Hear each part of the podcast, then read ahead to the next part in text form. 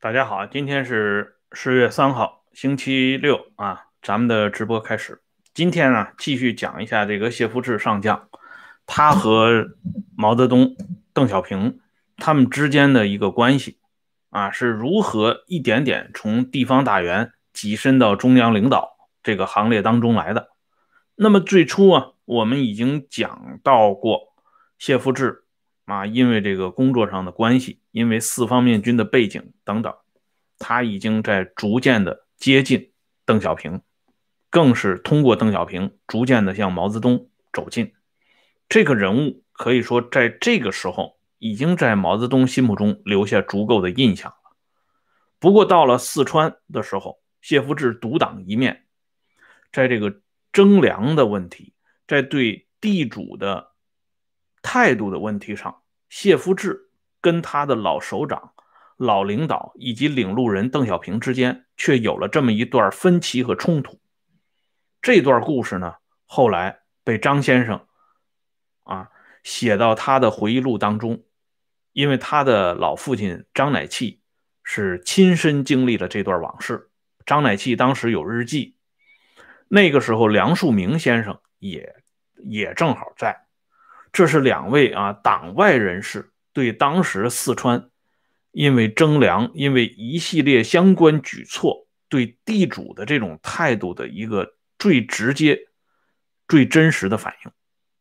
那这个反应具体到什么问题上呢？就是一个吊打的问题，就是把这地主啊吊起来打。哎，大家可以想象这个场面啊有多么的残酷。在这个问题上，谢福治真的不能同意邓小平的做法啊！谢福治就像我昨天讲杜义德他们这些人一样，这些红四方面军的高级干部，因为当年在川陕革命根据地有过这么一段奋斗的历程，他对这块土地他是有感情的，而且当年的这些中小地主们也没少支持这红军。没少给这红四方面军送去给养，送去他们所需要的东西。谢夫治甚至还跟一些地主家庭建立了非常良好的沟通和关系。这些东西后来在这个批判谢夫治的时候啊，都给弄出来了，说谢夫治很早就被这个地主反动阶级给招降纳叛了。啊，这个呢，恰恰是从侧面。向我们告诉，当初谢福治跟有些地主关系处的还真不错，所以眼下这种啊，对地主和地主的家属进行吊打，这谢福治当然就看不过去了。所以当时谢福治对下边有一个指示啊，这吊打的这个东西不应该大面积的出现啊，谢福治。重要的指示就是说，不准打人，基于义愤也不准打人。可是谢福治的这个指示受到川东行署的抵制。川东行署为什么抵制？因为川东行署的背后站着的是邓小平。张乃器当时啊，一九五一年八月十号的日记里边记载了当时这个土改工作团。这种非常残酷的做法，他说：“这个四春把这个地主给打死，打死了。六春呢，吊打一个姓何的地主，不光他被吊打，他的儿子儿媳妇都被同时吊打。他的大儿媳妇第二天上吊了。另一个姓何的地主被吊打了三十分钟就打死了。”然后这个村子呢，一共吊打了八个地主，啊，拿到了不少的粮食，死了两个地主，甚至连东北军原东北军高级将领于学忠，啊，这是张学良的亲信，于学忠他都有这方面的反应。他说：“这个打这姓何的地主的时候呢，农民回头看干部，什么意思？看干部的态度，干部不表态，那就是继续打。”所以这个场景让当时的这些东烘先生们，或者叫啊长袍马褂的这些老老前辈们看了非常的不舒服，因为他们也是那个社会走过来的人，他们也曾经啊非常欣赏这套左的东西，甚至张乃器也认为左的东西不可能是和风细雨的，革命嘛，一定是疾风暴雨的。但是他没想到这疾风暴雨居然是这个样子，啊，很多知识分子接受不了这个场面。梁漱溟就比较直率，回到北京以后，把自己的这些看法直接就向毛泽东提出来了。就是说，如如果是这样的话，这个局面太不好办了。毛泽东对梁漱溟的解释是这样说的：说我们知识分子出身的人看到这种情况，心里当然不好受，但是这是一场革命，群众发动起来了。即使有过火的行为，也不能挫伤他们的积极性。毛泽东在对梁漱溟还说了这么一句话：梁漱溟不是研究儒家的吗？啊，不是福音老夫子的吗？他就引用了老夫子的一句话：“民可使由之，不可使知之。”啊，这是孔夫子的原话呀。所以你就明白了毛泽东的治国理念是什么样子的。所以后来，毛泽东在同田家英等人说过这样的话：“我们是走群众路线的，但是有些事儿我们是不能听群众的。啊，至于哪些事儿，这个恐怕要由伟大领袖来掌舵，由他来说了算。那么在这件事情上，谢夫治没跟上，落后了，那么怎么办呢？就要拍马追赶。”当时邓小平的步子是迈的最大的。当时这几大诸侯啊，诸侯，东北的高岗啊，西北的彭德怀。彭德怀那个时候因为已经赶到这个朝鲜战场去了，所以呢，西北当时由他的副手来主持工作。华北的就薄一波他们这些人，然后啊，中南的。邓子恢啊，华东的柯庆施他们这些人，最重要的西南邓小平，这几大行政区、六大行政区里边，只有东北的高岗才能和西南的邓小平相提并论。但是在有些具体问题上，高岗也追不上邓小平的步子。所以后来历史因为是由邓来主导，邓为什么平生最喜欢说一句话？宜粗不宜细，啊，历史啊不能搞细线条，要粗线条。为什么？因为要细线条的话，很多不可描述的事情就会大白于天下的。比如说他在主政西南时候干的这些让人没法夸他的这些事儿，都会一点一滴的露在大家的眼前。这个人原本跟毛就是一体化的人。啊，那么现在呢，我们来看一下是什么东西让谢夫治从他邓小平的身上学到了绝招。咱们就还说到这个打吊打地主这件事情。这件事情，我们不妨把时间往后看一下。毛泽东在文化大革命的时候，曾经下达过一个最高指示。这个指示是什么呢？就是针对打人的事情，毛的原话是这么说的：“打就打嘛，好人打好人是误会，不打不相识；好人打坏人活该，好人打坏人光荣。”这是毛当时的话。这个话呢，经江青他们进行传达，所以日后呢，就把这个话的原创版权扣在江青的脑袋上。其实这事儿跟江青没关系。江青最多就是个喇叭筒子，那么谢夫治变成了谢副总理，变成了北京市革命委员会主任和中央政治局委员、中央政治局候补委员的时候，他是怎么解释打人的呢？他是这么说的：群众打死人我不赞成，但群众对坏人恨之入骨，我们也拦不住，不能勉强。打死人的红卫兵是否蹲监狱？我看打死就打死了，我们根本管不了。如果把打死人的都抓起来，你们抓得过来吗？全国九千万红卫兵，他们不冲击你们公安局就好了。如果你们要抓这些打死人的红卫兵，你们就要犯错误的。这是谢福治在经过毛邓改造之后的谢福治，已经完全走到无产阶级革命正轨上边来了。当年那个连基于义愤都不准打死人的谢福治不见了。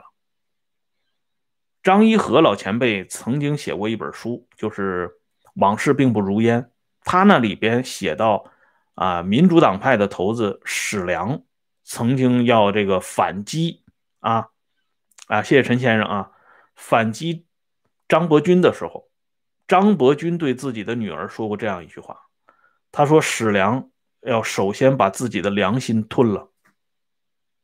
但张伯钧这个话说的有点太快了啊。这个良心不可能是直接吞的，能够直接把自己良心吞的，不是史良这个量级能做到的，那一定是这个伟大这个量级才能达到的。这一般量级的，包括谢夫治，他们都是一点一点的把良心吃掉的，啊，底线呢一点一点的消失掉的。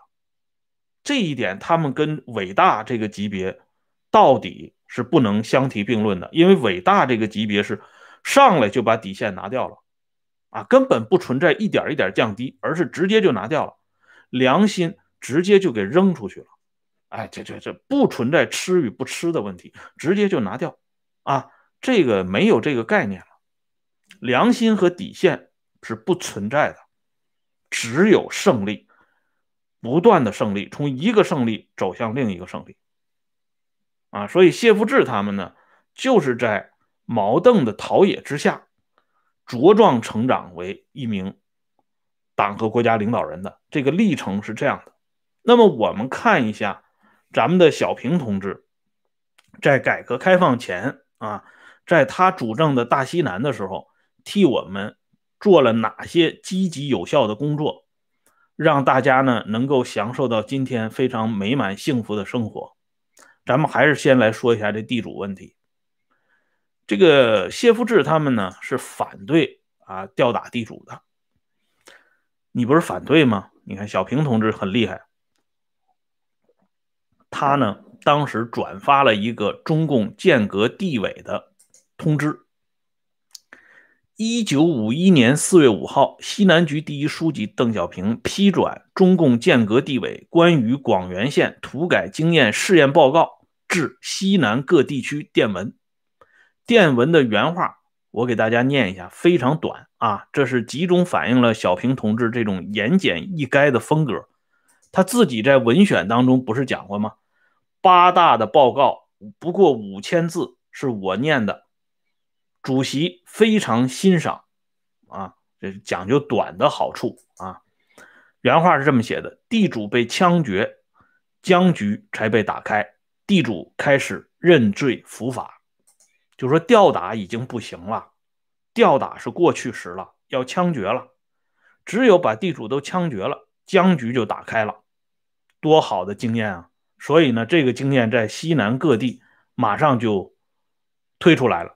四月十六号，邓小平再一次指出，镇压反革命要大张旗鼓。这个话实际上要比林彪在文化大革命里说的那个话要整整早了十五年。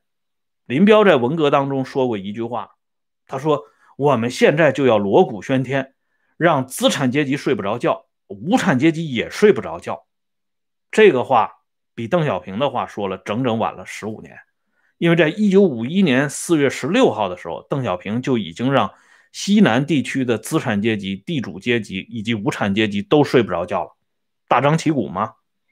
哎，而更厉害的一条，大家谁也没想到啊！为什么说这个邓小平理论很厉害啊？他能够成为全党的重要指导啊指导思想，就在于他能够提到前人想不到的啊这个话题，其中。邓小平在一九五一年在西南地区推行的一个绝招，就叫人民币下乡。什么叫人民币下乡？大家知道，这封建王朝里边有一个最有名的一句话，叫“王权不下县”。就是说，你皇帝再大的权威，到了农村，啊，县以下的行政单位，乡村两级，王权是管不到的。靠什么呢？靠乡绅的这种自治啊、自治的模式，自治、自治的模式啊。这音还没太读准啊，就是这个意思。自治啊，这种模式来进行管理，大家用约定俗成的公约来完成道德和行为的完善，这叫王权不下线。可是这个时候呢，人民币下乡了。这人民币下乡是什么概念呢？我给大家说一下。当时啊，邓小平是一九五零年七月底在四川全境推行人民币下乡，而高岗那么先进啊，当时被毛泽东夸为全国的典范级的东北。东北是在搞土改工作最左的，就是最早开始打死人的。哎，高岗他们搞的这套东西非常，呃，受到毛的这个喜欢。但是东北那么左，大家看一下，东北是一九五一年才完成人民币下乡这个工作的，就是把新发行的人民币直接拿到乡间去，强行兑换。这个做法是什么呢？就是因为在吊打和枪决这两大威逼之下，很多中小地主就服了，他宁愿交出土地，啊，把这个房子、福财全交出去，我就留一条命就行了。但是邓认为，你光服了不行，我要让你彻底的破产。你不破产，这个土改就不能够很好的完成。那怎么让你破产呢？就是人民币下乡兑换嘛，原来你的手里的现大洋还有余余财，给你用极少的人民币一兑换，那你不就破产了吗？所以总说这个啊，电子版的货币怎么样怎么样，其实老祖宗在小平那儿呢，人民币下乡就是最早的电子版啊。所以，为什么人家能领导改革开放啊？为什么人家叫总设计师？就在这儿呢，设计了什么人民币下乡？这个是比吊打和枪决更狠的。这叫什么？毛泽东给邓小平这个办法起了个名字，非常好的名字啊！我给大家写一下，这名字太好了，要不写了都有点对不起。少躺腿。哎，就最后还来一下子，就把这人彻底就给放倒了，所以叫少躺腿。哎，这人民币一下乡，这些地主们彻底就完蛋了。哎，所以你看，谢富治这个人，那拍马也赶不上啊。所以当时 毛泽东对邓小平评价极高，说邓小平这个人是四面八方。什么叫四面八方啊？四面指的就是土改、征粮、镇反和人民币下乡这四条啊。由此，这邓小平在毛泽东心目当中，那已经是谁也替代不了的了。就说彻底奠定了他是毛主要接班人的这个地位。那回过头来，谢夫治。也从邓小平的身上看到了自己的希望，怎么办？只有紧跟。所以谢夫治在川东地区把这四条做得非常好啊，尤其是这个镇压反革命过程当中，刀非常之快。这人啊，认错啊，认得非常好，然后呢，手法又非常高明。邓小平一看。这是可教之才呀！那谢富治这个人不错啊，那谁都会犯错误，对吧？谁都会有认识上的差距。那为什么谢富治认识到差距之后，很快就能赶上来呢？哎，这邓小平对谢富治非常满意，而且谢富治不仅啊敢向这些党外的这些反动派、反革命们开刀，也敢向党内的这些人开刀。当时陈赓手下有一个老部下叫高庆奎，他也被谢福治摁到菜板子上了，就要拿他开刀。陈赓不干了，陈赓直接打电话。陈赓说：“我还是云南军区司令员呢，你抓我的人是不是要跟我打个招呼啊？”谢福志说：“老首长不要生气啊，陈赓同志不要生气啊，我是向西南局备了案的，我是跟西南局打过招呼的。”这一句话，陈赓没话讲了。西南局是谁呀？就是小平同志吗？所以，当宋任穷离开云南的时候，谁来接替宋任穷担任云南的第一把手？邓小平向毛泽东推荐谢福治，毛泽东大笔一挥，马上同意，必须让谢福治上啊，别人不行啊。而所以，到了一九五九年的时候，当罗瑞卿离开公安部部长这个位置的时候，邓小平再一次向毛泽东推荐了谢福治。毛一看，没错，就是他了。所以谢福治上台，为毛做了更为重要的贡献。这个话题呢，就回到我们一开始说的。要抓刘少奇的老秘书了，因为要对刘少奇动手了。这么大的一个系统工程，由谁来完成第一步呢？无疑就是咱们的谢福治。那么谢福治领命登上公安部部长位置之后，他办的第一件大事儿，就是让公安部常务副部长徐子荣、公安部办公厅主任刘富之。等一干人都大吃一惊的事情，哎，这个这圈子绕的确实很大啊！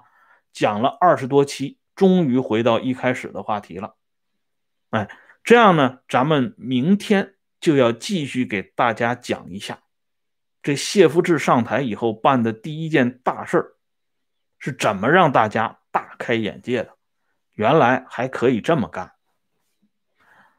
好了。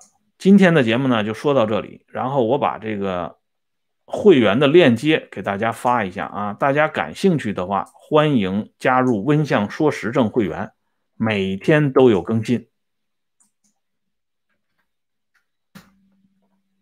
感谢咱们王先生啊。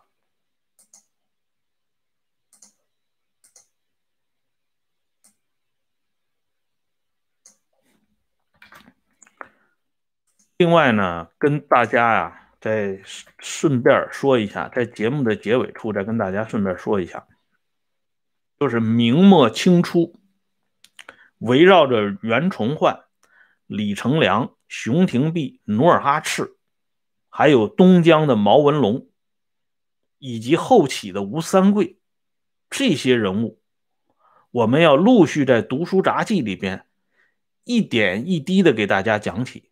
大家千万不要以为这是在挖坑啊！我为了方便大家起见，每一期既有连续性，又能独立成章，这样呢，不至于给大家一种人为制造悬念的感觉，好不好？哎，就是这么一个意思啊！我要先期跟大家说清楚，要不然那边军统往事还没讲完，这边又挖一坑，那就不行了，说不过去了，不能老挖坑啊！好了，就这么着吧。啊，明天我们接着聊，再见。